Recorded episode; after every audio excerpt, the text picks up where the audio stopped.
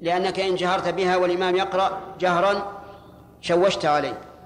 وإن قرأت بها جهرا والإمام يقرأ سرا شوشت على المأمومين. فالمأموم يقرأ بها في نفسه ولكن لا بد أن يقرأ بلسانه لا بقلبه. فلا يكفي أن نمر الحروف على قلبه بل لا بد من قراءة ونطق. يحرك اللسان والشفتين.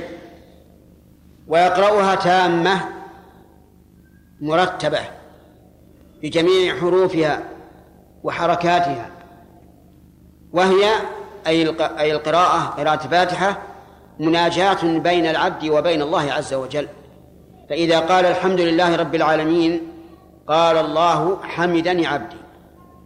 وإذا قال الرحمن الرحيم قال الله أثنى علي عبدي. وإذا قال مالك يوم الدين قال الله مجدني عبدي. أي عظمني.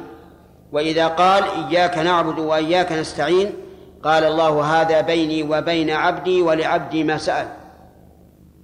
لأن إياك نعبد العبادة لله عز وجل والاستعانة بالله عز وجل على أفعال العبد فهي من مصالحه. وإذا قال اهدنا الصراط المستقيم صراط الذين أنعمت عليهم غير المغضوب عليهم ولا الضالين قال الله هذا لعبدي ولعبدي ما سأل. فهذه القراءة قراءة عظيمة. تناجي ربك عز وجل وهو فوق عرشه على سماواته وأنت في الأرض. تناجيه لأنه يسمعك ويعلمك. وإن كنت أنت لا تدري ولولا أن النبي صلى الله عليه وعلى آله وسلم أخبرنا بهذا ما علم ما علمنا بذلك. كل واحد منا الآن يقرأ الفاتحة فالله تعالى يناجيه. لأن الله محيط بكل شيء علما.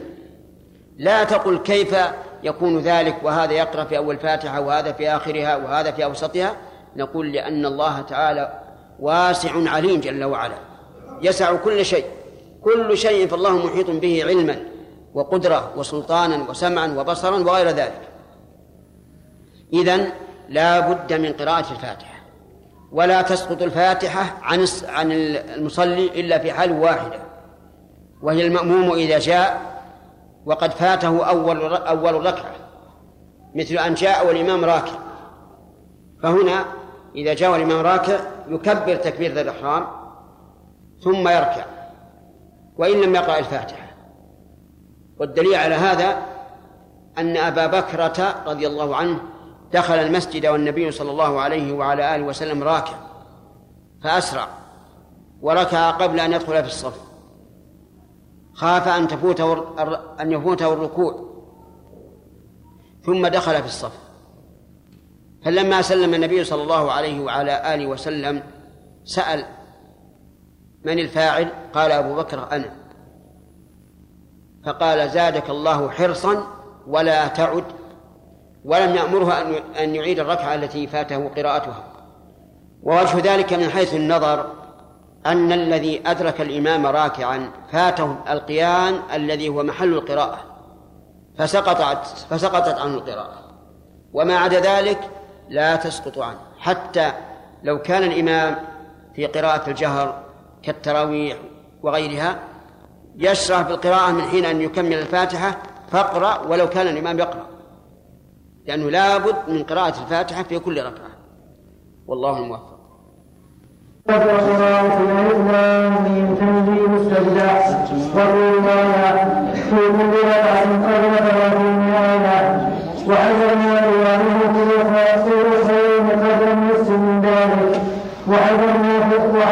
في الركعتين الأوليين من العصر على قدر قيامه في الأخريين من الظهر وفي الأخريين من العصر على النصف من ذلك رواه مسلم. وعن جابر بن سمرة رضي الله عنه قال كان النبي صلى الله عليه وسلم يقرأ في الظهر بالليل إذا يغشى وفي رواية بسبح اسم ربك الأعلى وفي العصر نحو ذلك وفي الصبح أطول من ذلك رواه مسلم.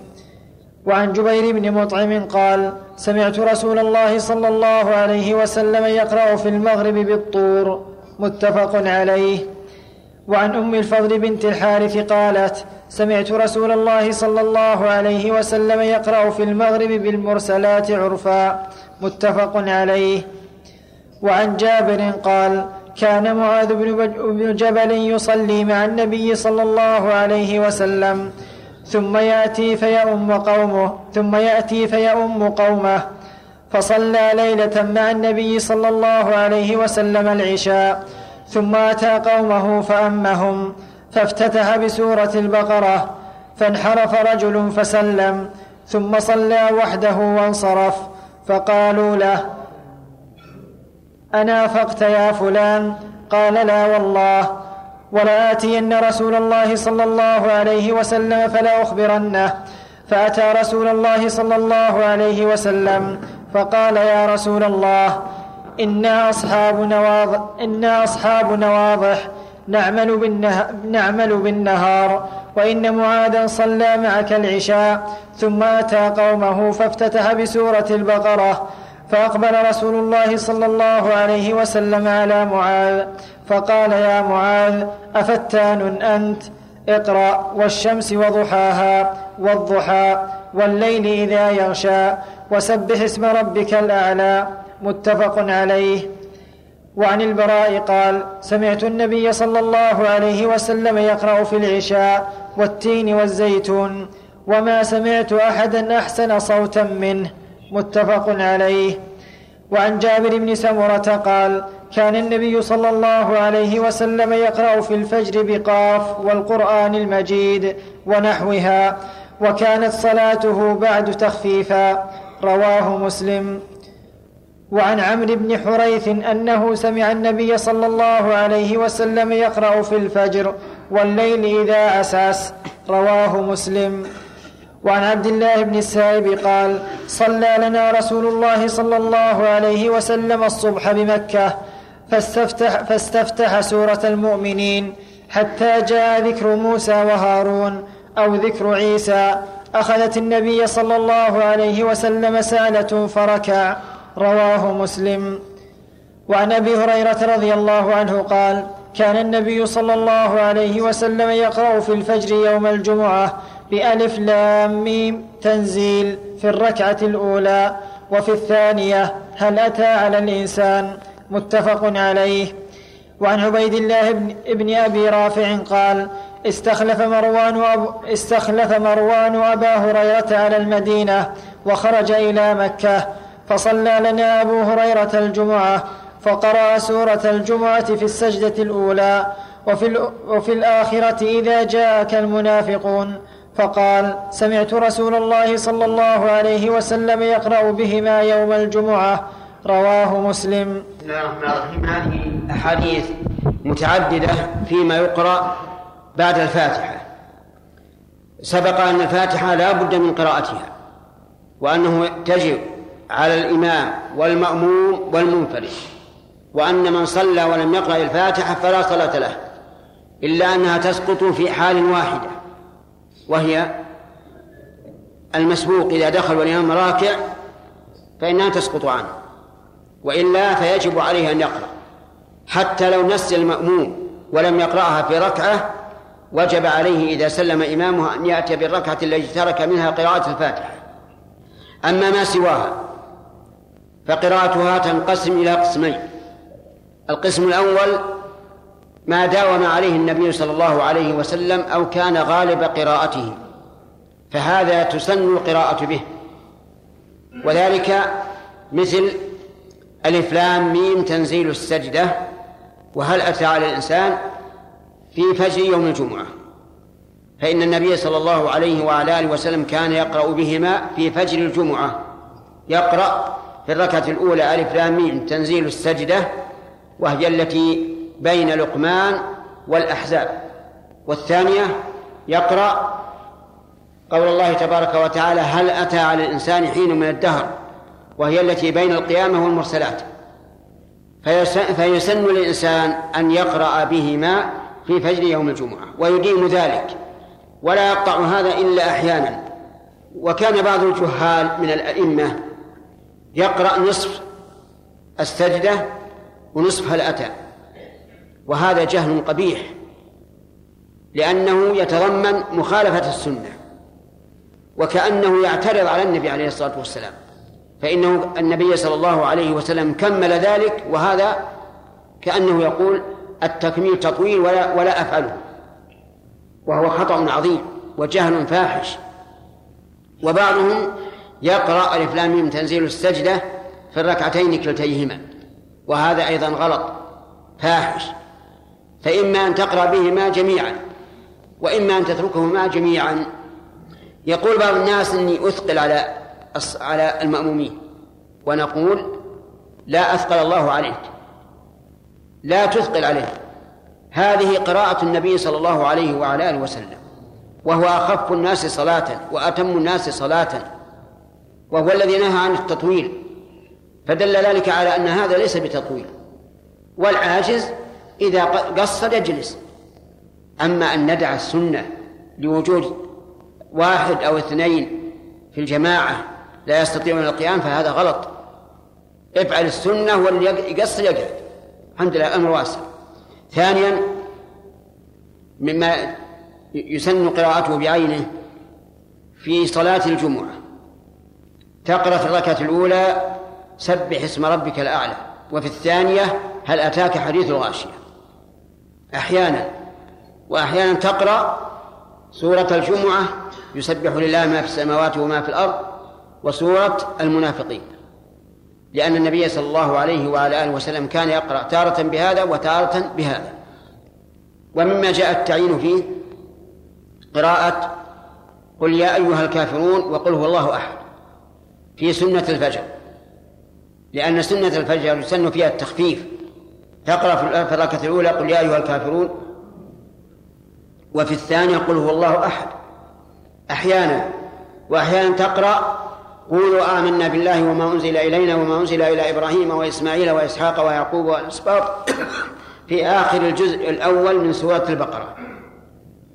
وفي الثانية قل يا أهل الكتاب تعالوا إلى كلمة سواء بيننا وبينكم في سورة آل عمران. هذا مرة وهذا مرة. ومما ورد تعيينه تعيينها أيضا صلاة العيد. تقرأ فيها في الركعة الأولى قاف وفي الثانية اقتربت الساعة وانشق القمر. هكذا جاءت السنة. وإن شئت اقرأ سبح اسم ربك الأعلى وهل أتاك حديث الغاشية؟ ومما ورد فيه التعيين ركعتا الطواف التي يصليها الإنسان بعد طوافه. يقرأ في الركعة الأولى قل يا أيها الكافرون وفي الثانية قل هو الله أحد. فما ورد تعيينه فإنه سنة. وأما ما قرأ به النبي صلى الله عليه وعلى آله وسلم ولم يداوم عليه فليس من السنة. لكنه لا شك أن الإنسان إذا فعله فهو على خير. إنما لا لا تطلب بعينه. فمثلا قرأ النبي صلى الله عليه وسلم في سورة المغرب في صلاة المغرب بالطور. لكن لا نقول يسن أن تقرأ بها إنما إذا قرأت بها فهو خير لكن ليس بسنة لأنه لم يداوم عليها. وكذلك قرأ بالمرسلات في في صلاة المغرب. فلا يكون من السنة أن يقرأ بها لكنه خير وهناك فرق. بين ما داوم عليه النبي صلى الله عليه وسلم وواظب عليه فيكون سنة بعينه. وما سمع يقرأ به فلا يكون سنة بعينه ولكن يقال لا شك أنه من محبة الرسول عليه الصلاة والسلام ومحبة التأسي به أن يقرأ ما قرأ. ثم أعلم أنه لا يجوز للإنسان أن يطيل بالناس إطالة خارجة عن السنة. لأن النبي صلى الله عليه وسلم غضب لهذا. فمعاذ بن جبل رضي الله عنه كان يصلي مع النبي صلى الله عليه وسلم صلاة العشاء يعني صلاة الأخير. ثم يخرج إلى قومه فيصلي بهم تلك الصلاة لكن يطيل. فقال النبي صلى الله عليه وسلم أفتان أنت يا معاذ؟ يعني أتريد أن تصد الناس عن عن الصلاة مع الجماعة؟ وأخذ العلماء من هذا أن أن الإنسان يعذر بترك الجماعة إذا كان إمامه يطيل إطالة غير مشروعة. لأن النبي صلى الله عليه وسلم لام معاذا ولم يلم الرجل الذي انفرد بالصلاة. فدل هذا على أن الإمام إذا كان من عادته أن يطيل إطالة غير مشروعة فللإنسان أن يتخلف عن الجماعة. وتحديد هذا ليس بهوى الإنسان بل بالسنة. فلا يجوز أن يتخلف الإنسان عن صلاة الفجر يوم الجمعة إذا كان الإمام يقرأ بالسجدة وهل أتى. لأن هذا ليس ليس تطويلا مخالفا للسنة. وينبغي في صلاة الظهر والعصر أن يسمع الآية أحيانا. يعني يقرأ ويرفع صوته أحيانا بما عدا الفاتحة. لينتبه المأموم إلى أن الإمام يقرأ وليس بساكت سكوتا مطلقا. أسأل الله أن يوفقني وإياكم لمعرفة الحق والعمل به إنه على كل شيء قدير. نقل المؤلف رحمه الله تعالى عن النعمان بن بشير رضي الله عنه قال كان رسول الله صلى الله عليه وسلم يقرأ في العيدين وفي الجمعة بسبح اسم ربك الأعلى وهل أتاك حديث الغاشية؟ قال وإذا اجتمع العيد والجمعة في يوم واحد قرأ بهما في الصلاتين. رواه مسلم.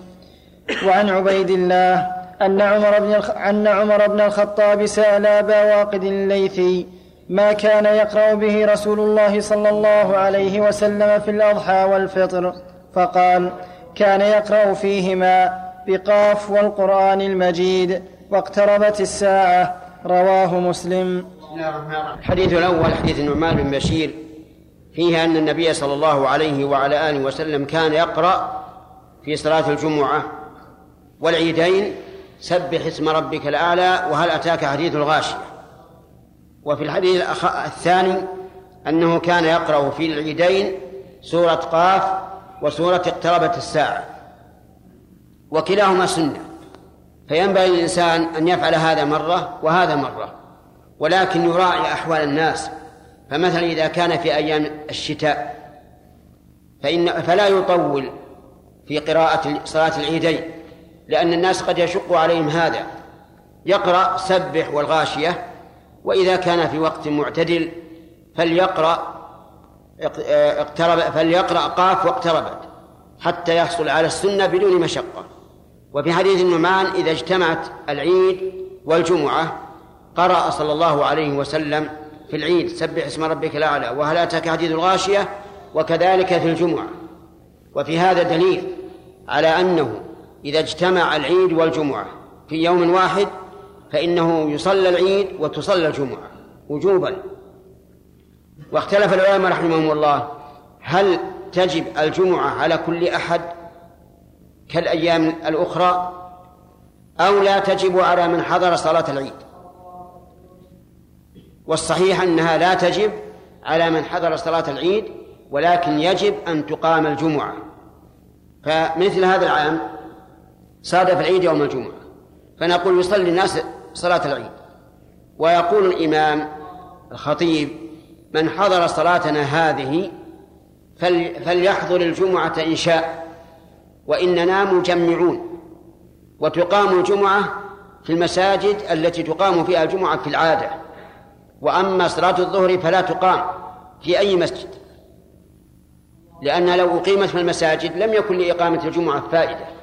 ولا يحل أن تقام صلاة الظهر في المساجد مع إقامة الجمعة. فالحاصل أن أصح الأقوال في هذه المسألة أنه إذا اجتمع العيد والجمعة فيقال من حضر صلاة العيد فإن شاء حضر الجمعة وهو أفضل وإن شاء لم يحضر ولكن يجب أن يصلي في بيته ظهرا. أو مع أصحابه إن كانوا في البيت معه إن كان معه في البيت أحد. وأما الإمام فيجب عليه أن يقيم صلاة الجمعة في مسجد الجمعة ولا يتخلف. هذا هو أعدل الأقوال في هذه المسألة وأصحها. وأما من قال إنه يكتفى بصلاة العيد عن الجمعة والظهر فقوله ضعيف. لأن صلاة الظهر يجب أن تقام إذا لم إذا لم تقم الجمعة. ما الذي يسقطها؟ وهي إحدى الصلوات الخمس. فالقول هذا ضعيف وما ورد عن بعض السلف من كونه اقتصر على صلاة العيد فإنه محمول على أنه نوى بصلاة العيد صلاة الجمعة. لأن صلاة الجمعة عند كثير من العلماء يدخل وقتها بدخول وقت صلاة العيد. يعني مثلا لو صليت الجمعة بعد ارتفاع الشمس قيد الرمح فإنها تجزي عند بعض العلماء. فلعل ما ورد عن بعض السلف أنه اقتصر على صلاة العيد أن أنه نواها جمعة واقتصر عليها.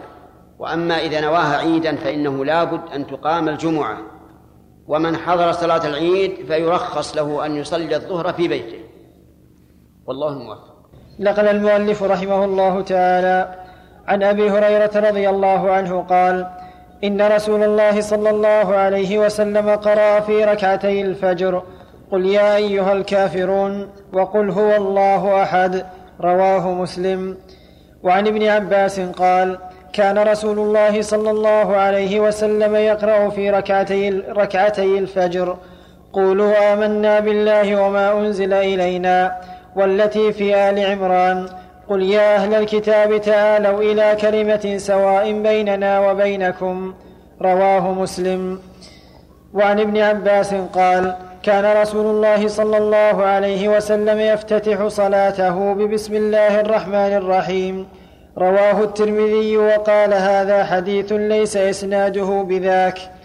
وعن وائل بن حجر قال سمعت رسول الله صلى الله عليه وسلم قرأ غير المغضوب عليهم ولا الضالين فقال آمين. مد بها صوته. رواه الترمذي وأبو داود والدارمي وابن ماجه.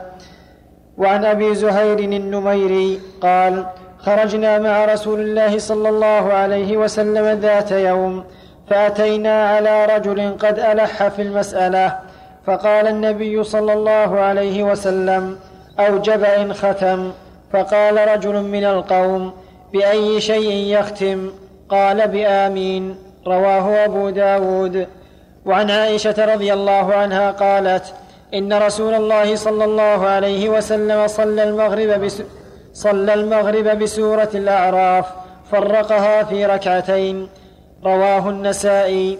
وعن عقبة بن عامر قال كنت أقود لرسول الله صلى الله عليه وسلم ناقته في السفر فقال لي يا عقبة ألا أعلمك خير سورتين قرئتا؟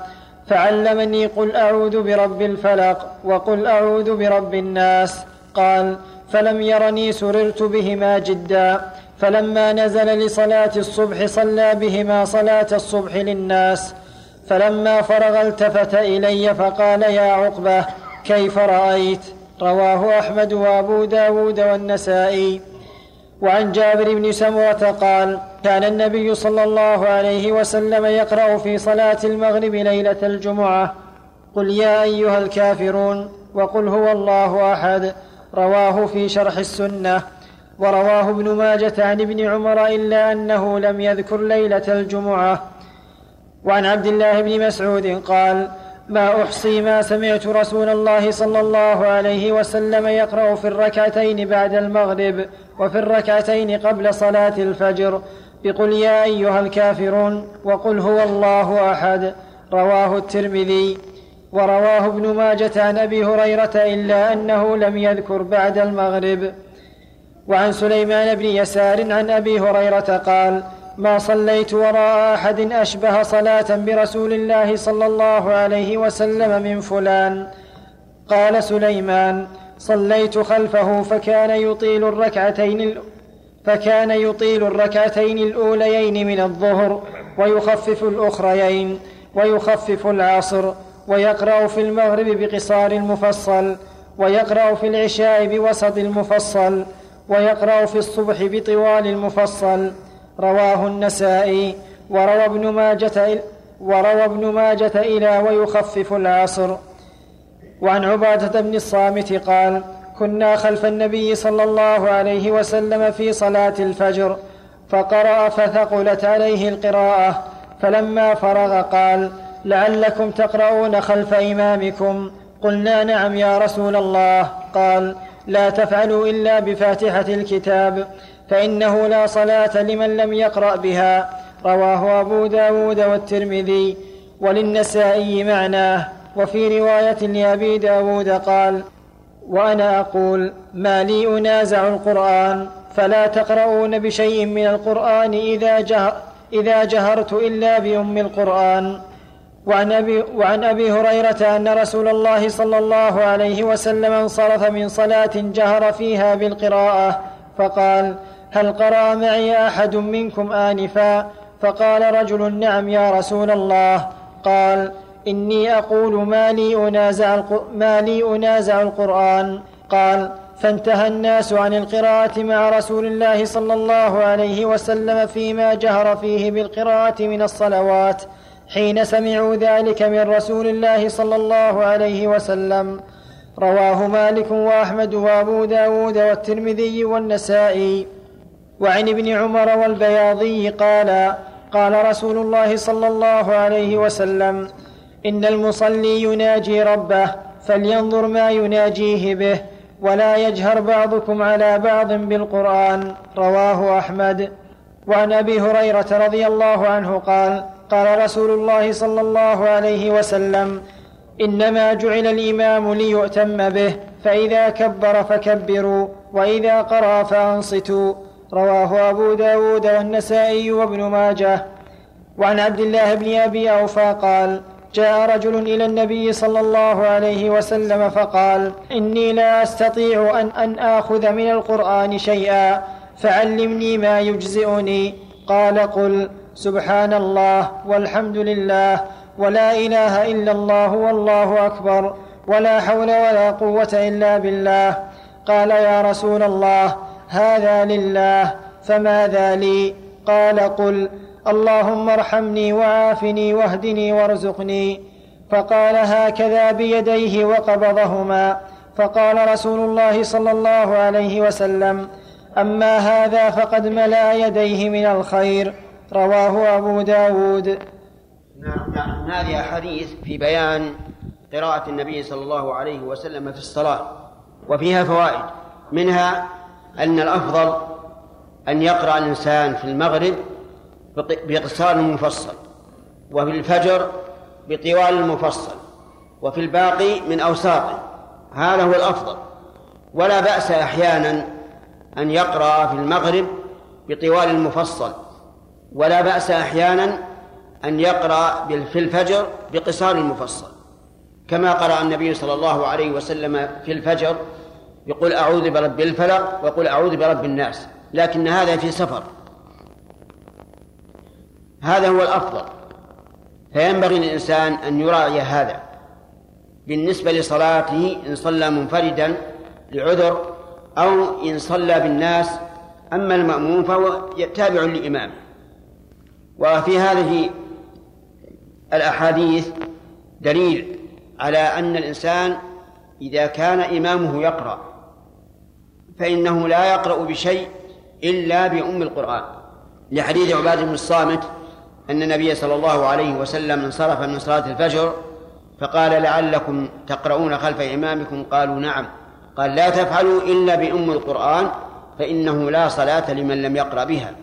حتى لو كان الإمام يقرأ اقرأ الفاتحة لا بد منها. وهذا يقع في صلاة التراويح في بعض المساجد إذا انتهى من قراءة الفاتحة شرع في قراءة التي بعدها دون أن يتوقف فنقول أنت أيها المأموم اقرأ ولو كان إمامك يقرأ لأن الفاتحة لا بد منها. وفي هذه الأحاديث دليل على أن الإنسان لا يجهر على غيره في القراءة. بمعنى أنك لا تقرأ قراءة عالية تشوش على غيرك. لأن الإنسان يناجي الله عز وجل المصلي. فإذا شوشت عليه فإنك تحول بينه وبين مناجاة الله. ولهذا نهى النبي صلى الله عليه وعلى آله وسلم أن يجهر بعضنا على بعض في القراءة. وفي لفظ آخر فلا يؤذين بعضكم بعضا في القراءة. ويؤخذ من هذا أن ما يفعله بعض الناس اليوم يقرؤون في الصلاة الجهرية من من المنارة. أن هؤلاء واقعون فيما نهى عنه النبي صلى الله عليه وسلم. وأنهم عاصون للرسول عليه الصلاة والسلام. ومن يعصي الرسول فقد عصى الله. لأن هؤلاء الذين يقرؤون في الصلاة من على المنارة يشوشون على من حولهم من المساجد. ولأنهم يؤذون أهل البيوت الذين يريدون أن يناموا. وكذلك يشوشون على أهل البيوت إذا كانوا يصلون. ولا فائدة من ذلك بل في ذلك مضرة. لأنه إذا صار الناس يسمعون قراءة أو أو الصلاة من المنارة تكاسلوا. وقالوا وقال الكسلان هذه أول ركعة سهلة. أبى أنتظر. ثم ينتظر وينتظر حتى تفوته الصلاة. ففيها مضرة على أهل الحي وفيها مضرة على بقية الناس. ولا نجد لهذا أصلا لا في القرآن ولا في السنة إلا نهي النبي عليه الصلاة والسلام عن هذا عن التشويش على, على الآخرين. لكن بعض الجهال من الأئمة يجتهدون دون أن يستندوا إلى دليل من القرآن والسنة. بس طاب لهم هذا وقال صوتي يسمع من على المنارة ويسمعونه الناس واستحسن هذا في عقله. ولكن الدين ليس عقلا. الدين شرع. نفعل ما يوافق الشرع وما يخالف الشرع فإننا لا نفعله. وفي هذا الحديث في هذه الأحاديث دليل على أن الإنسان ينبغي له أن يتحرى الصلاة خلف إمام يطبق السنة. فإذا كان جارك في المسجد فإذا كان إمام المسجد الذي بجوارك لا يطبق السنة فالأفضل أن تتحرى إماما آخر يطبق السنة. حتى تكون صلاتك أفضل. أما إذا كان يطبق السنة فالأفضل أن لا يتجاوز الإنسان مسجده أي مسجد حيه لأجل أن يكثر أهل الحي في المسجد ويتعارفون ويتآلفون. والله الموفق. نقل المؤلف رحمه الله تعالى عن ابن عباس رضي الله عنهما أن النبي صلى الله عليه وسلم كان إذا قرأ سبح اسم ربك الأعلى قال سبحان ربي الأعلى رواه أحمد وأبو داود. وعن أبي هريرة رضي الله عنه قال قال رسول الله صلى الله عليه وسلم من قرأ منكم بالتين والزيتون فانتهى إلى أليس الله بأحكم الحاكمين؟ فليقل بلى وأنا على ذلك من الشاهدين. ومن قرأ لا أقسم بيوم القيامة فانتهى إلى أليس ذلك بقادر على أن يحيي الموتى؟ فليقل بلى. ومن قرأ والمرسلات فبلغ فبأي حديث بعده يؤمنون؟ فليقل آمنا بالله. رواه أبو داود والترمذي إلى قوله وأنا على ذلك من الشاهدين. وعن جابر قال خرج رسول الله صلى الله عليه وسلم على أصحابه فقرأ عليهم سورة الرحمن من أولها إلى آخرها فسكتوا. فقال لقد قرأتها على الجن ليلة الجن فكانوا أحسن مردودا منكم. كنت كلما أتيت على قوله فبأي آلاء ربكما تكذبان؟ قالوا لا بشيء من نعمك ربنا نكذب فلك الحمد. رواه الترمذي وقال هذا حديث غريب. وعن معاذ بن عبد الله الجهني قال إن رجلا من جهينة أخبره أنه سمع رسول الله صلى الله عليه وسلم قرأ في الصبح إذا زلزلت في الركعتين كلتيهما. فلا أدري انسي ام قرا ذلك عمدا رواه أبو داود. وعن عروة قال إن أبا بكر الصديق رضي الله عنه صلى الصبح فقرأ فيهما بسورة, بسورة البقرة في الركعتين كلتيهما. رواه مالك. وعن الفرافصة بن عمير الحنفي قال ما أخذت سورة يوسف إلا من قراءة عثمان بن عفان إياها في الصبح. من كثرة ما كان يرددها رواه مالك. وعن عبد الله بن عامر بن ربيعة قال صلينا وراء عمر بن الخطاب الصبح فقرأ فيهما بسورة يوسف وسورة الحج قراءة بطيئة. قيل له إذا لقد كان يقوم حين يطلع الفجر. قال أجل رواه مالك. وعن عمرو بن شعيب عن أبيه عن جده قال ما من المفصل سورة صغيرة ولا كبيرة إلا قد سمعت رسول الله صلى الله عليه وسلم يؤم بها الناس في الصلاة المكتوبة رواه مالك. وعن عبد الله بن عتبة بن مسعود قال قرأ رسول الله صلى الله عليه وسلم في صلاة المغرب بحاميم الدخان رواه النسائي مرسلا. بسم الله الرحمن الرحيم. هذه بقية الأحاديث في قراءة النبي صلى الله عليه وعلى آله وسلم في الصلاة. وكذلك الصحابة.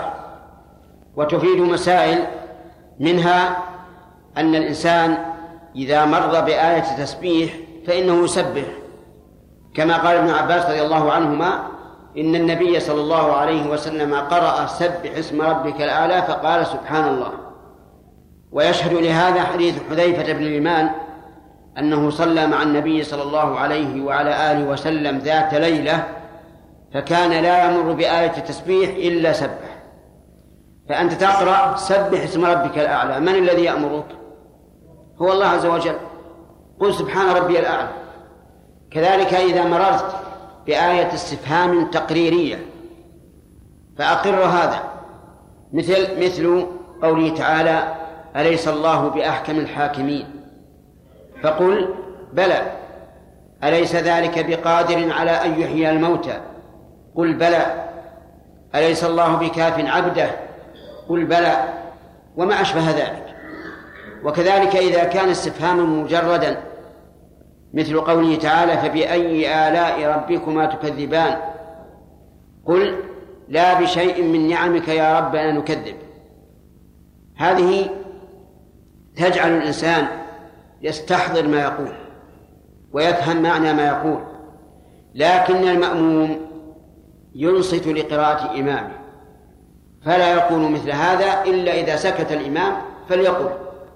مثلا أليس الله بأحكم الحاكمين تكون في آخر القراءة؟ يمكنه أي المأموم أن يقول بلى. وكذلك فسبح باسم ربك العظيم. هذه قال النبي صلى الله عليه وعلى آله وسلم اجعلوها في ركوعكم فتستحضر وأنت راكع. إذا قلت سبحان ربي العظيم تستحضر أمر أمر الله عز وجل وتستحضر إرشاد النبي صلى الله عليه وعلى آله وسلم في أي في أي مكان تكون هذه الكلمة. سبح اسم فسبح باسم ربك العظيم. وفي الأحاديث الأخرى الواردة عن الصحابة دليل على أن الصحابة رضي الله عنهم قد قد يطيلون في القراءة في قراءة الفجر خاصة ولكن هذا فيما إذا علمنا أن المأموم لا يتأذى بذلك وإلا فلا يخرج الإنسان عما جاءت به السنة. والله موفق. باب الركوع. عن أنس رضي الله عنه قال قال رسول الله صلى الله عليه وسلم أقيموا الركوع والسجود فوالله إني لاراكم من بعدي. متفق عليه. وعن البراء قال كان ركوع, كان ركوع النبي صلى الله عليه وسلم وسجوده وبين السجدتين وإذا رفع من الركوع ما خلا القيام والقعود قريبا من السواء. متفق عليه. وعن أنس قال كان النبي صلى الله عليه وسلم إذا قال سمع الله لمن حمده قام حتى نقول قد أوهم ثم يسجد ويقعد بين السجدتين حتى نقول قد أوهم. رواه مسلم. وعن عائشة رضي الله عنها قالت كان النبي صلى الله عليه وسلم يكثر أن يقول في ركوعه وسجوده سبحانك اللهم ربنا وبحمدك اللهم اغفر لي. يتأول القرآن متفق عليه. وعنها رضي الله عنها أن النبي صلى الله عليه وسلم كان يقول في ركوعه وسجوده سبوح قدوس رب الملائكة والروح رواه مسلم.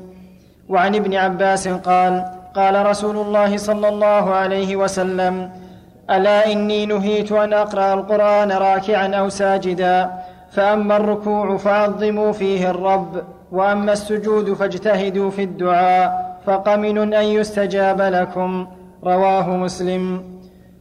وعن أبي هريرة رضي الله عنه قال قال رسول الله صلى الله عليه وسلم إذا قال الإمام سمع الله لمن حمده فقولوا اللهم ربنا لك الحمد فإنه من وافق قوله قول الملائكة غفر له ما تقدم من ذنبه متفق عليه.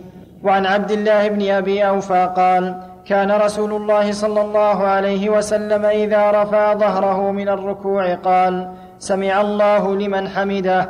اللهم ربنا لك الحمد.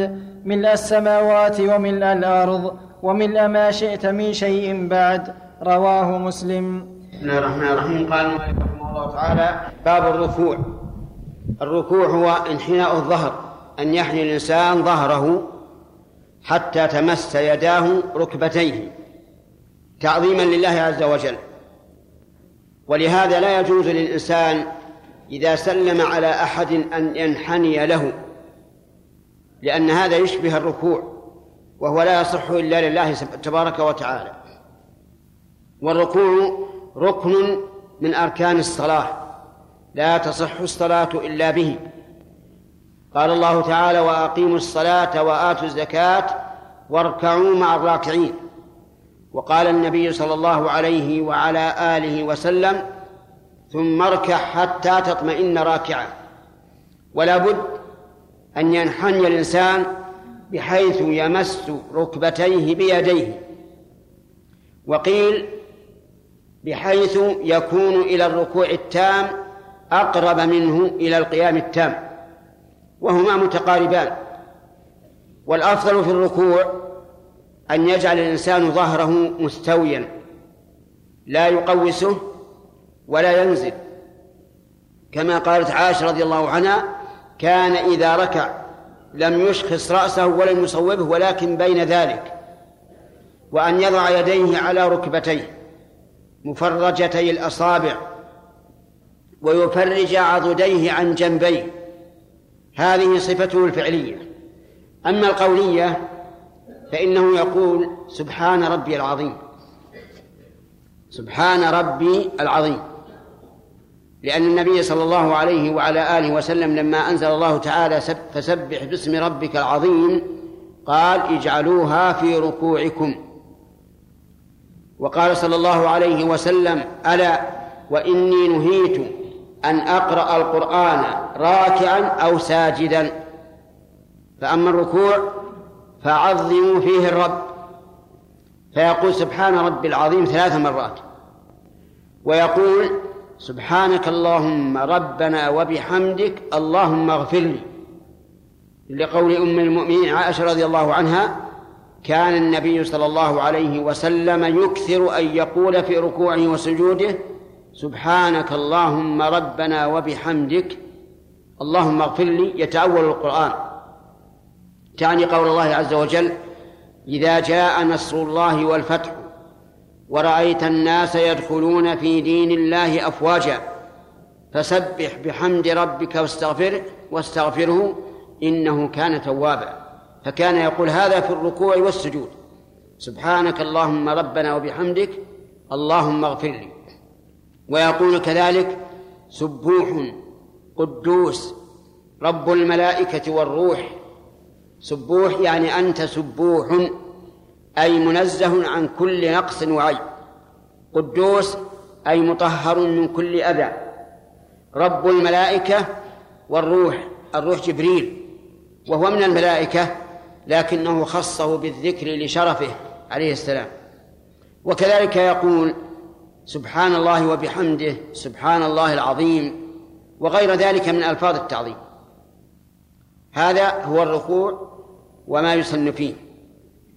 والواجب من هذه الأقوال أن يقول سبحان ربي العظيم مرة مع الطمأنينة وما زاد فإنه تطوع. إن أتى به فهو أفضل وإن لم يأت به فلا حرج عليه. ولكن لا ينبغي للإنسان أن يحرم نفسه من زيادة الأجر لأنه سيأتي الزمان التي يتمنى الذي يتمنى أن يرى حسنة في حسناته وأن يرى سيئة قد غفر له بها قد غفرت له من سيئاته. والذي لا يدرك الآن يدرك فيما بعد.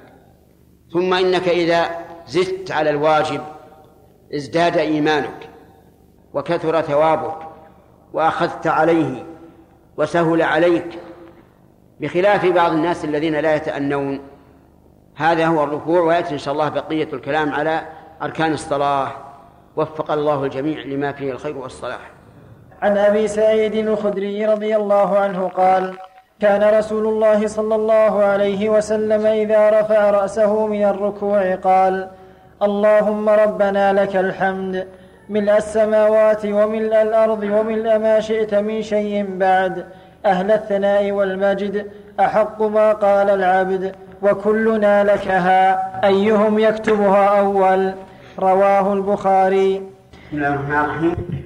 سبق الكلام على الركوع. وبينا أن الركوع ركن من أركان الصلاة. وأن الصلاة لا تصح بدون الركوع. وبينا صفته وبينا ما يقال فيه. أما الرفع من الركوع والقيام بعد فهو أيضا ركن من أركان الصلاة. لا تصح الصلاة إلا به.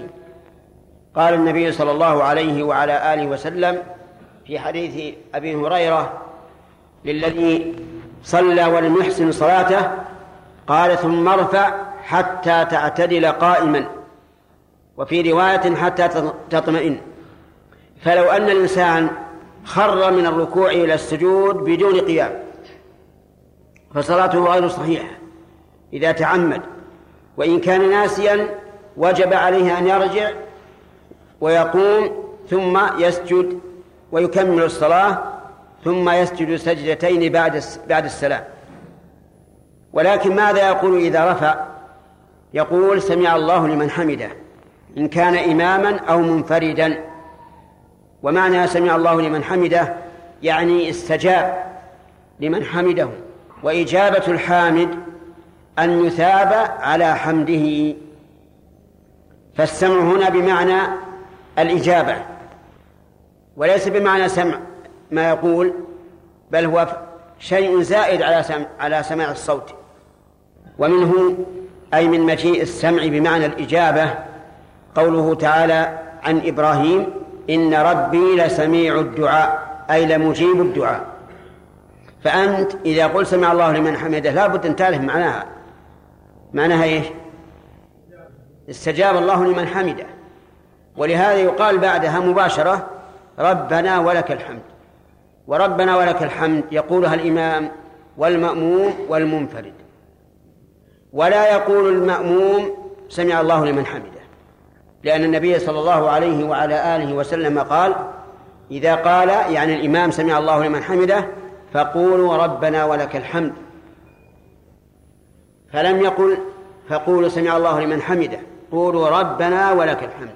وعليه فالمأموم حين الرفع يقول ربنا ولك الحمد. وقد ورد فيها أربع صفات. ربنا ولك الحمد.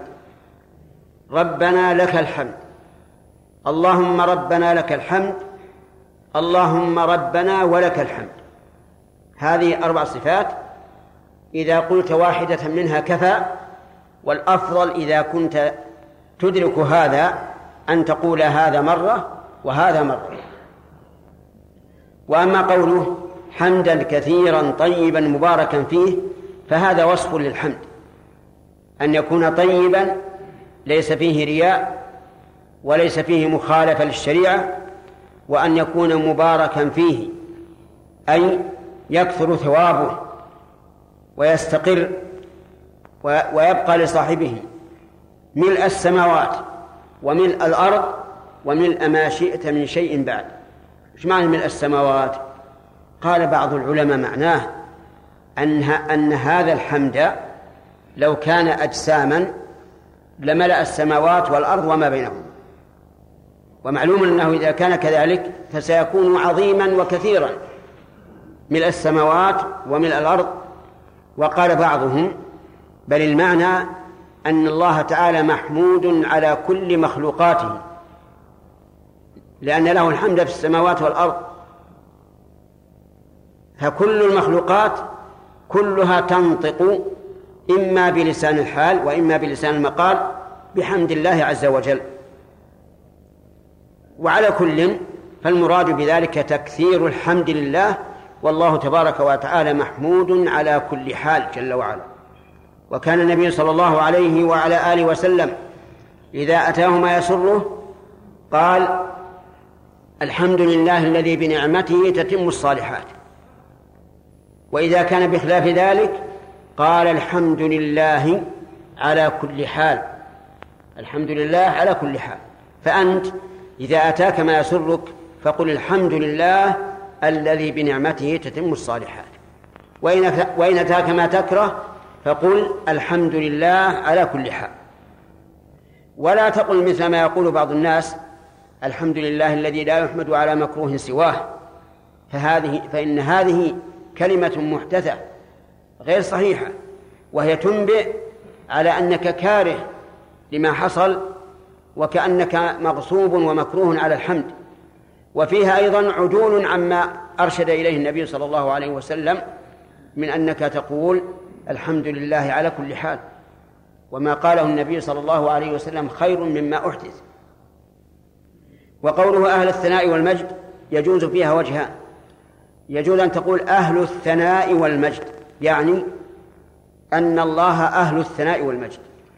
ويجوز أن تكون أهل الثناء والمجد بالنصب على أنها منادى أي يا أهل الثناء والمجد. والله تبارك وتعالى هو أهل الثناء والمجد أي هو المستحق للثناء وللتعظيم. والثناء تكرار الحمد والوصف بالصفات الحميدة. والمجد هو العظمة والسلطان. أحق ما قال العبد يعني ذلك أحق ما قال العبد. ونعم صدق رسول الله صلى الله عليه وسلم أحق ما قال الإنسان ما أثنى به على ربه عز وجل. فإن الله تعالى أهل للثناء وكل وصف حميد فإنه صادق لله عز وجل. بخلاف غير الله قد تمدح إنسان وهو ليس بأهل وقد تذمه وليس بأهل الذم. لكن الرب أهل للثناء والمجد والثناء عليه وتمجيده أحق ما قال العبد. يعني أصدقه. وكلنا لك عبد. كلنا يعني المخلوقات. كلها عبد لله عز وجل. قال الله تعالى إن كل من في السماوات والأرض إلا آتي الرحمن عبدا. وقال عز وجل تسبح له السماوات السبع والأرض ومن فيهن وإن من شيء إلا يسبح بحمده. كل شيء يسبح بحمد الله. حتى الحصى. يسبح بحمد الله الأشجار كل شيء. قال الله عز وجل ألم تر أن الله يسجد له من في السماوات ومن في الأرض والشمس والقمر والنجوم والجبال والشجر والدواب؟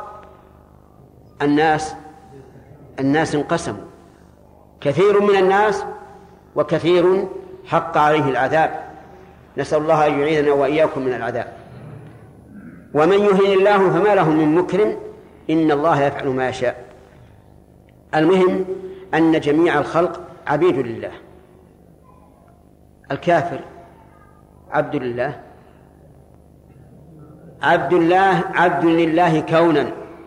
يعني من جهة أن قضاء الله تعالى نافذ في الكافر هذا ثابت. حتى الكافر عبد لله. إن كل من في السماوات والأرض لله الرحمن عبدا. هل يستطيع الكافر أن يدفع عن نفسه الموت؟ لا. هل يستطيع أن يدفع عن نفسه المرض بدون الأسباب التي جعلها الله سببا لرفع المرض؟ لا. إذن هو عبد لله بهذا المعنى. لكنه ليس عبد لله عبودية شرعية لأنه كافر بالله. لا مانع لما أعطيت ولا معطي لما منعت ولا ينفع ذا الجد منك الجد. هذا تفويض لله عز وجل. لا مانع لما أعطى فما أعطاه الله لا أحد يمنعه. وما منعه الله لا أحد يعطيه. ومن كان ذا جد وحظ وغنى فهل ينفعه جده وحظه وغناه من الله شيئا؟ لا ولا ينفع ذا الجد منك الجد فإذا قلت هذا الذكر بعد رفع من الركوع فقد أحسنت. وإن اقتصرت على الوجه الآخر الذي ورد فقد أحسنت. وفي هذا دليل على أن الرفع من الركوع يطال ولا يختلس كما يفعل بعض العوام. تجد بعض الناس الآن من حين ما يرفع من الركوع على طول يسجد. هذا غلط. يعني هذا لو صلى ألف مرة ما, ما نفعته صلاته. لأن النبي صلى الله عليه وعلى آله وسلم قال للرجل الذي لم يحسن صلاته قال ارجع فصلي فإنك لم تصلي. هذا الرجل الذي ركع من حين يرفع يسجد على طول بدون طمأنينة لا صلاة له. هو ومن لم يصلي على حد سواء. ولذلك يجب علينا إذا رأينا أحدا يفعل مثل هذا أن ننصح ونبين له. فكثير من الجهال من العوام جهال. لا يدرون ولكن احرص على أن تنصح بهدوء وطمأنينة. تجيب ويقول يا أخي الصلاة هذه ليست صحيحة. الصلاة الصحيحة كذا وكذا. فأعد صلاتك. ولن تجد فرقا بين أن تطمئن وألا تطمئن. وش الفرق؟ عشر دقائق أو نحوها. هذا لا يضر. وأنت الآن لست في لهو ولعب أنت بين يدي الله عز وجل. تناجي ربك. لماذا تهرب هذا الهرب؟ يعني تكلم معه بهدوء. أما لو تكلم عليه بعنف أنت ما تعرف أنت جاهل أنت هذا لا يمكن. الإنسان يجب أن يدعو إلى الله بإيش؟ بالحكمة والموعظة الحسنة والمجادلة بالتي هي أحسن. اللهم ارزقنا علما نافعا وعملا صالحا متقبلا ورزقا طيبا واسعا. والله موفق. نقل المؤلف رحمه الله تعالى عن أبي مسعود الأنصاري قال قال رسول الله صلى الله عليه وسلم لا تجزئ صلاة الرجل حتى يقيم ظهره في الركوع والسجود. رواه أبو داود والترمذي والنسائي وابن ماجة والدارمي وقال الترمذي هذا حديث حسن صحيح. وعن عقبة بن عامر قال لما نزلت فسبح باسم ربك العظيم. قال رسول الله صلى الله عليه وسلم اجعلوها في ركوعكم. فلما نزلت سبح اسم ربك الأعلى قال رسول الله صلى الله عليه وسلم اجعلوها في سجودكم. رواه أبو داود وابن ماجة والدارمي. وعن عون بن عبد الله عن ابن, مس عن ابن مسعود قال قال رسول الله صلى الله عليه وسلم إذا ركع أحدكم فقال في ركوعه سبحان ربي العظيم ثلاث مرات. فقد تم ركوعه وذلك أدناه. وإذا سجد فقال في سجوده سبحان ربي الأعلى ثلاث مرات فقد تم سجوده وذلك أدناه. رواه الترمذي وأبو داود وابن ماجة, وابن ماجة. وقال الترمذي ليس إسناده بمتصل لأن عونا لم يلق ابن مسعود. وعن حذيفة أنه صلى مع النبي صلى الله عليه وسلم فكان يقول في ركوعه سبحان ربي العظيم وفي سجوده سبحان ربي الأعلى وما أتى على آية رحمة إلا وقف وسأل وما أتى على آية عذاب إلا وقف وتعوذ. رواه الترمذي وأبو داود والدارمي وقال الترمذي هذا حديث حسن صحيح. وعن عوف بن مالك قال قمت مع رسول الله صلى الله عليه وسلم فلما ركع مكث قدر سورة البقرة ويقول في ركوعه سبحان ذي الجبروت والملكوت والكبرياء والعظمة رواه النسائي. وعن ابن جبير قال سمعت أنس بن مالك يقول ما صليت وراء أحد بعد رسول الله صلى الله عليه وسلم أشبه أشبه صلاة بصلاة رسول الله صلى الله عليه وسلم من هذا الفتى يعني عمر بن عبد العزيز. قال قال فحزرنا ركوعه عشر تسبيحات وسجوده عشر تسبيحات.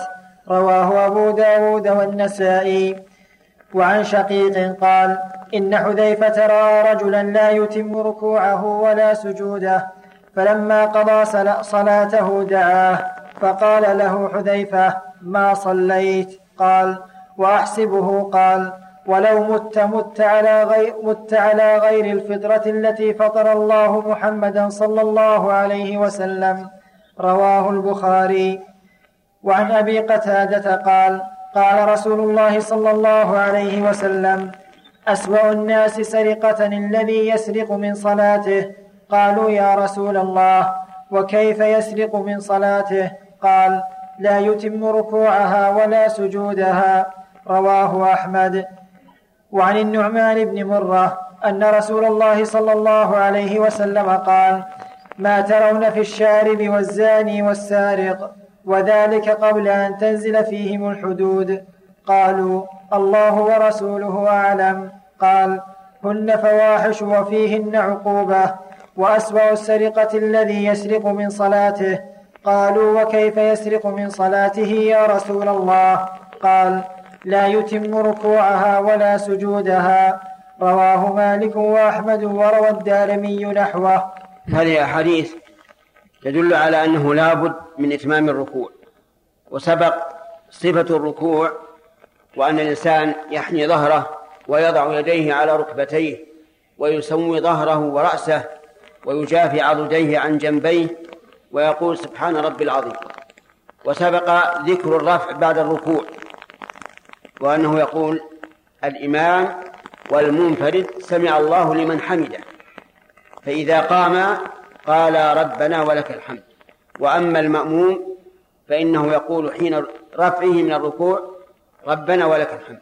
وبينا أن ذلك من أركان الصلاة وأنه لا بد من الطمأنينة في ذلك. وهذه الأحاديث التي سمعتموها كلها تكملة لما سبق وسيأتي إن شاء الله بيان ذكر السجود وما يقال فيه وما يسجد عليه. والله موفق. قال رحمه الله تعالى باب السجود وفضله. عن ابن عباس رضي الله عنهما قال قال رسول الله صلى الله عليه وسلم أمرت أن أسجد على سبعة أعظم. على الجبهة واليدين والركبتين وأطراف القدمين وأن لا نكفت الثياب ولا الشعر متفق عليه. وعن أنس قال قال رسول الله صلى الله عليه وسلم اعتدلوا في السجود ولا يبسط أحدكم ذراعيه بساط الكلب متفق عليه. وعن البراء بن عازب قال قال رسول الله صلى الله عليه وسلم إذا سجدت فضع كفيك وارفع مرفقيك. رواه مسلم. وعن ميمونة قالت كان النبي صلى الله عليه وسلم إذا سجد جافى بين يديه حتى لو أن بهيمة أرادت أن تمر تحت يديه لمرت. هذا لفظ أبي داود. ولمسلم بمعناه قالت كان النبي صلى الله عليه وسلم إذا سجد لو شاءت بهيمة أن تمر بين يديه لمرت. وعن عبد الله بن مالك بن بحينة قال كان النبي صلى الله عليه وسلم إذا سجد فرج بين يديه حتى يبدو بياض إبطيه. متفق عليه. وعن أبي هريرة رضي الله عنه قال كان النبي صلى الله عليه وسلم يقول في سجوده اللهم اغفر لي ذنبي كله دقه وجله أوله وآخره وعلانيته وسره رواه مسلم. وعن عائشة رضي الله عنها قالت فقدت رسول الله صلى الله عليه وسلم ليلة من الفراش فالتمسته فوقعت يدي على بطن قدميه وهو في المسجد وهما منصوبتان وهو يقول اللهم إني أعوذ برضاك من سخطك وبمعافاتك من عقوبتك وأعوذ بك منك. لا أحصي ثناء عليك. أنت كما أثنيت على نفسك. رواه مسلم. وعن أبي هريرة رضي الله عنه قال قال رسول الله صلى الله عليه وسلم أقرب ما يكون العبد من ربه وهو ساجد فأكثر الدعاء. رواه مسلم. وعنه رضي الله عنه قال قال رسول الله صلى الله عليه وسلم إذا قرأ ابن آدم السجدة فسجد اعتزل الشيطان يبكي يقول يا ويلتى أمر ابن آدم بالسجود فسجد فله الجنة وأمرت بالسجود فأبيت فلي النار. رواه مسلم. وعن ربيعة بن كعب قال كنت أبيت مع رسول الله صلى الله عليه وسلم فآتيه بوضوئه وحاجته. فآتيه بوضوئه وحاج بوضوئه وحاجته. فقال لي سل. فقلت أسألك مرافقتك في الجنة. قال أو غير ذلك؟ قلت هو ذاك. قال أو غير ذلك. أو غير ذلك. قلت هو ذاك. قال فأعني على نفسك بكثرة السجود. رواه مسلم. الله هذا الفصل ذكر فيه المؤلف رحمه الله ما ورد في السجود. ولكن قبل السجود سبق أن الإنسان يرفع من الركوع ويعتدل قائما ويطمئن. ولكن أين يضع يديه؟ قال الإمام أحمد رحمه الله هو مخير إن شاء وضعهما على صدره كما قبل الركوع وإن شاء أرسلهما. والصحيح أنه يضعهما على صدره كحاله قبل الركوع. لحديث سهل بن سعد رضي الله عنه قال أمر الناس يعني في الصلاة أن يضع الرجل كفه اليمنى على ذراعه اليسرى في الصلاة. فعموم هذا الحديث يقتضي أنه إذا رفع من الركوع وضع يده اليمنى على ذراعه اليسرى كما قبل الركوع. وهذا هو الصواب. وشدد بعضهم فقال إن إن وضعهما على الصدر بدعة لكن هذا لعله لم يتأمل الحديث حديث سهل بن سعد رضي الله عنه فظن أن ذلك من البدع وليس من البدع بل هو من السنة. ثم ينحط إلى السجود. وكيف ذلك؟ يبدأ بوضع الركبتين ثم الكفين ثم الجبهة والأنف ولا يبدأ باليدين. يعني لا يضع يديه قبل ركبتيه لأن النبي صلى الله عليه وعلى آله وسلم نهى عن ذلك. وقال إذا سجد أحدكم فلا يبرك كما يبرك البعير. والبعير إذا برك يقدم يديه كما هو معروف مشاهد. اللهم إلا أن يكون الإنسان ضعيفا أو كبير السن أو مريضا لا يستطيع أن يسجد إلا إذا قدم يديه فلا بأس وإلا فليقدم الركبتين قبل اليدين. ثم يسجد على سبعة أعضاء. بينها النبي صلى الله عليه وعلى آله وسلم في قوله أمرنا أن نسجد على سبعة أعضاء. وفي لفظ أمرت. على الجبهة وأشار بيده إلى أنفه. لأن الأنف ليس عضوا مستقلا وليس عضوا متصلا بالجبهة فأشار إليه النبي صلى الله عليه وسلم لأنه ليس من الجبهة فيسجد على الجبهة والأنف والكفين اليمنى واليسرى والركبتين اليمنى واليسرى وأطراف القدمين الرجل اليمنى واليسرى. هذه سبعة. يجب على الإنسان في السجود أن يسجد عليها ويمكنها من الأرض. ولا يصح أن يضع جبهته على الأرض وضعا بمعنى أن تمس الأرض فقط بل لابد أن يتكئ يعني يمكنها من الأرض. فلو سجد على شيء لين كالإسفنج فلا بد أن يكبس عليه ولا يكفي الوضع. يسجد على هذه الأعضاء السبعة فإن رفع واحدا منها لم يصح سجوده. وإن استمر بطل الصلاة. حتى لو كان المرفوع الجبهة. وانتبه أيها الذي تلبس العقال. انتبه لا يرفع عقالك جبهتك عن الأرض.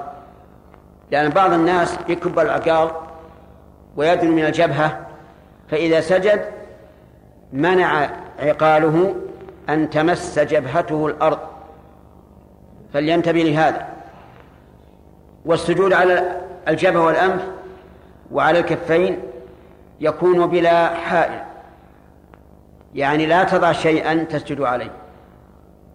وبعض الناس تجده يمد غترته ويسجد عليها. وهذا غلط. إلا لحاجة كما لو كانت الأرض حصبة تؤذي جبهته أو فيها شوك أو حارة جدا أو باردة جدا فلا بأس أن يمد غترته أو طرف ثوبه ويسجد عليه. وأما بدون حاجة فلا. كذلك أيضا لا يسجد على يديه. يعني بعض الناس يضع جبهته على ظهور كفيه فإن هذا لا يجزي وقد قسم العلماء رحمهم الله الحائل إلى ثلاثة أقسام. القسم الأول ما لا يصح معه السجود وهو أن يضع بعض أعضائه على بعض مثل أن يضع اليد اليمنى على اليسرى هكذا أو يضع الجبهة على ظهور الكفين أو يضع إحدى الرجلين على الأخرى فهذا لا يصح سجوده والثاني أن يسجد على شيء متصل به كالمشلح وطرف الثوب والغترة والطاقية والعمامة فهذا يكره إلا لحاجة. والثالث أن يسجد على شيء منفصل مثل أن يضع خمرة يعني شيء للكفين والجبهة كالمنديل فلا بأس. والسنة في السجود أن تستقبل بأصابع اليدين القبلة مضمومتين وأن تسجد بينهما.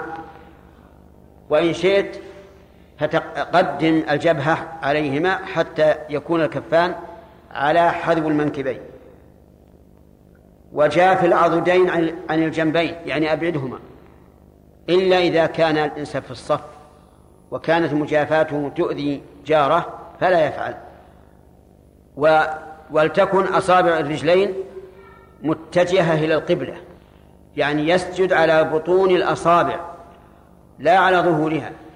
ولا على رؤوسها بل يتكئ عليها قليلا حتى تكون متجهة إلى القبلة وبطونها إلى أي بطون الأصابع على الأرض.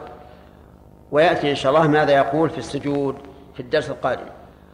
أي نعم بعض بعض الناس يضع يديه وهو قائم في نحره يعني يرفعها إلى إلى الرقبة وهذا غلط بل إنما تكون على الصدر.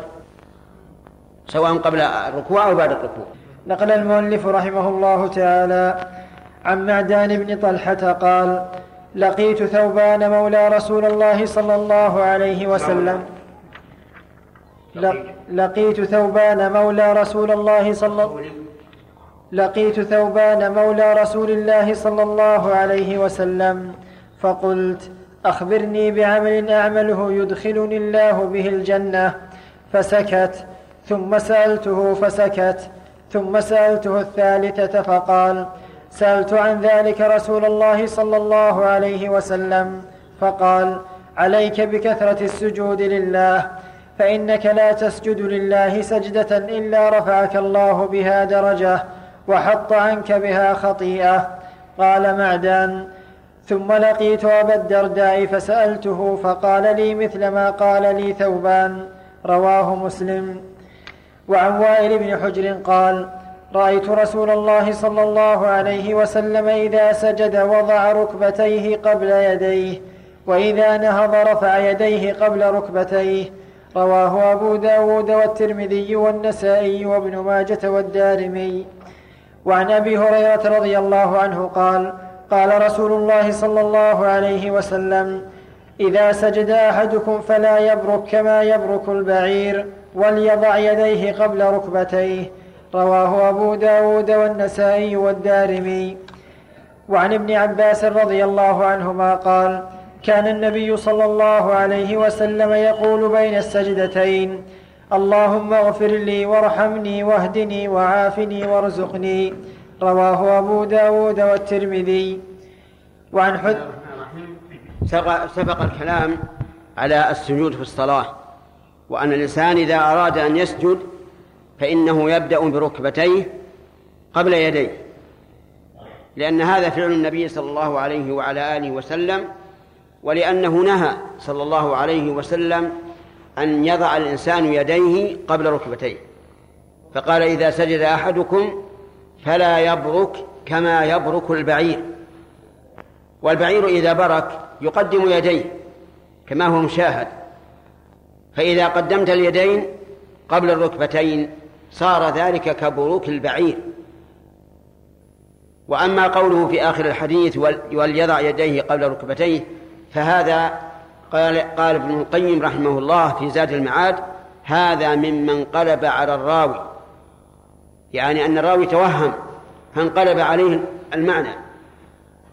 وانقلاب المعنى على الراوي لا يستغرب.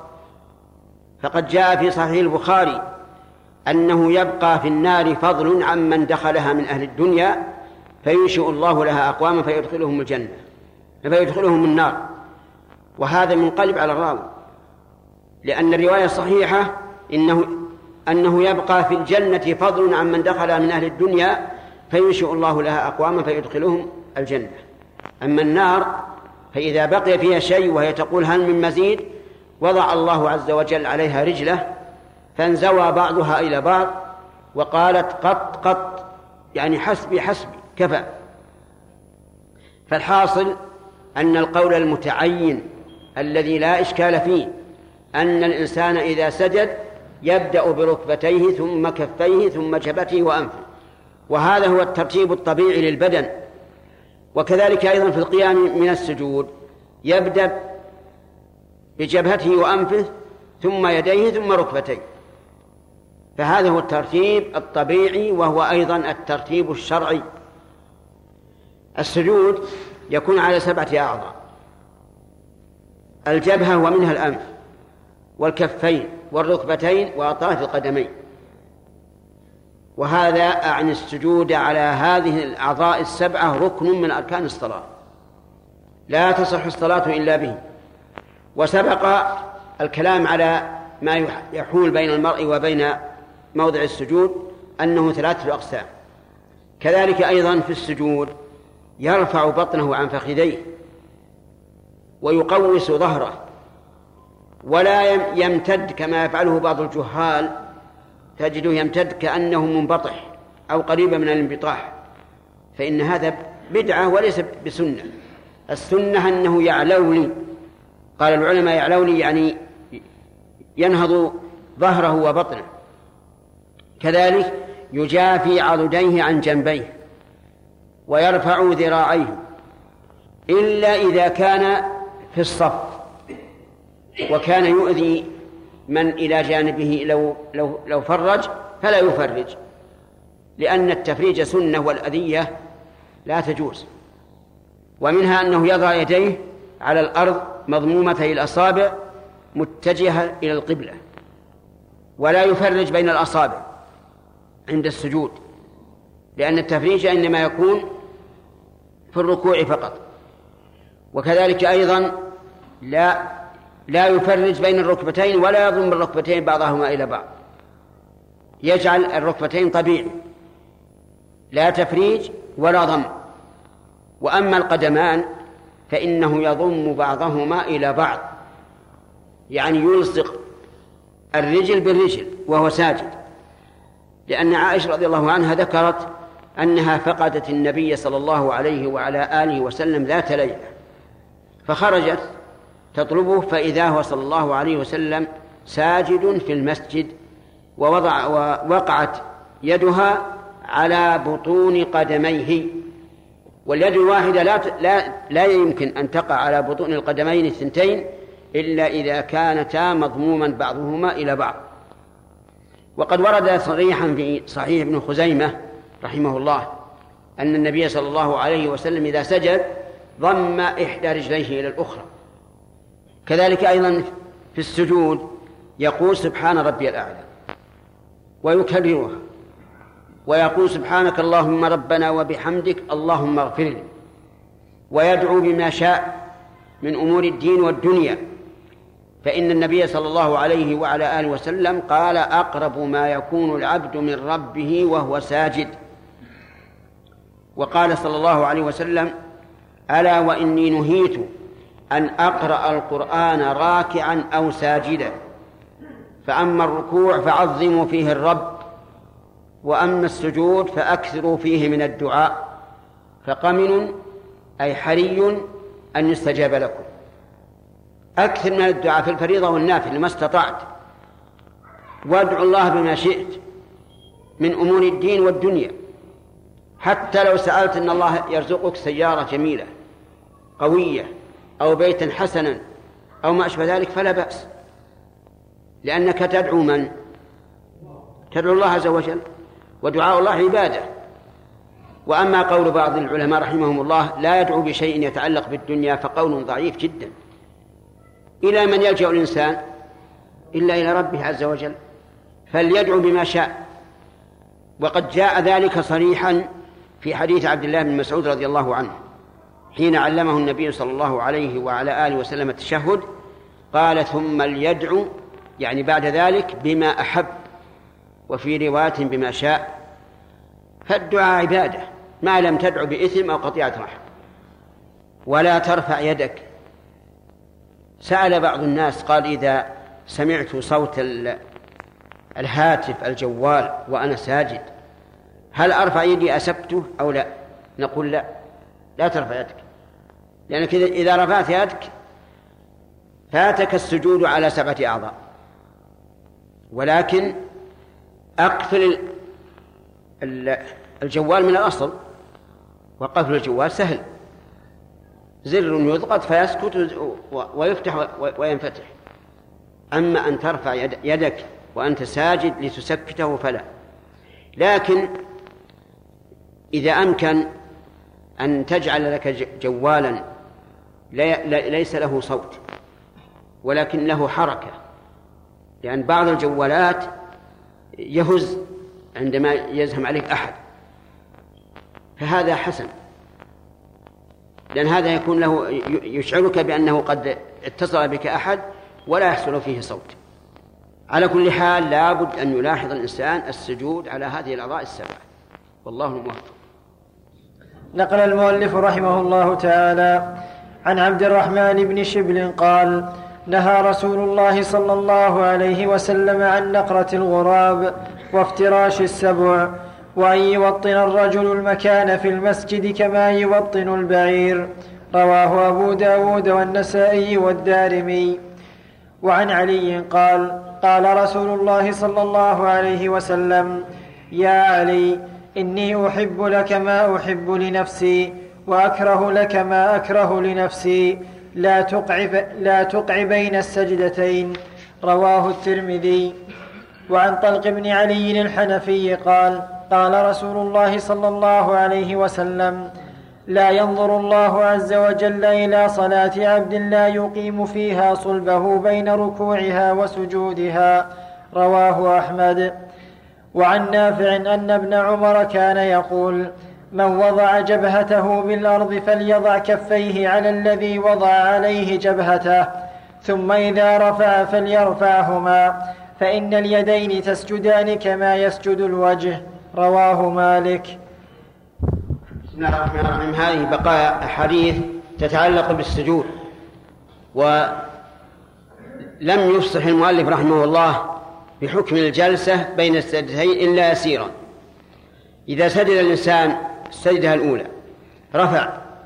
وجلس مفترشا. يعني جلس على رجله اليسرى ونصب اليمنى ويقول رب اغفر لي ثلاث مرات. وارحمني واهدني وارزقني واجبرني وعافني. ويضع يديه على فخذيه. اليمنى على اليمنى واليسرى على اليسرى. وإن شاء وضع اليد اليمنى على الركبة. وألقم اليد اليسرى ركبة الرجل اليسرى. أما بالنسبة لليدين فاليمنى يقبض منها الخنصر والبنصر والوسطى والإبهام ويبقي السبابة مفتوحة يشير بها عند الدعاء. وإن شاء قبض الخنصر والبنصر وحلق الإبهام مع الوسطى وأبقى السبابة التي بين الوسطى والإبهام مفتوحة يشير بها عند الدعاء. فمثل إذا قال رب اغفر لي هذه جملة دعائية. يرفع سبابته. وإذا قال وارحمني كذلك. اهدني ارزقني اجبرني عافني. هكذا رواه الإمام أحمد رحمه الله من حديث وائل بن حجر بسند جيد أو صحيح.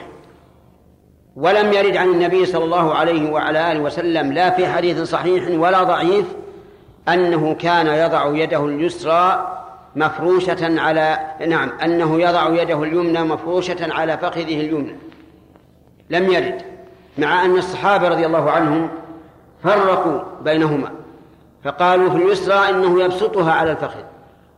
وقالوا في اليمنى إنه يقبض منها السبابة الخنصر والبنصر ويحلق الإبهام مع الوسطى أو يضم بعضهما إلى بعض ويشير بالسبابة. ولم يرد لا عنهم ولا عن الرسول صلى الله عليه وسلم أنه كان يضع يده اليمنى على فخذه اليمنى مبسوطة. ولقد كنا من قبل نقول إن الإنسان يجلس مفترشا بين السجدتين ويضع اليدين مبسوطتين على الفخذين كما قال الفقهاء رحمهم الله. ونقول إن هذه هذه الصفة من أجل أن تخالف صفة التشهد.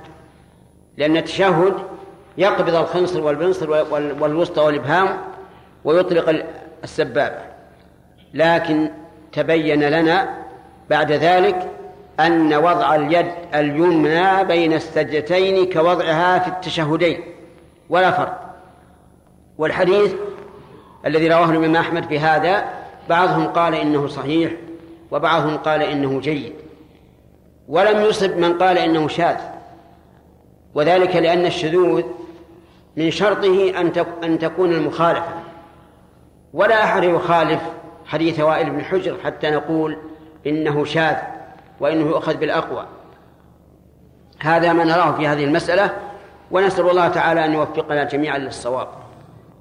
ولا يقع بين السجدتين كما في هذا الحديث الذي سمعتموه أن النبي صلى الله عليه وعلى آله وسلم أوصى علي بن أبي طالب رضي الله عنه أن لا يقع بين السجدتين.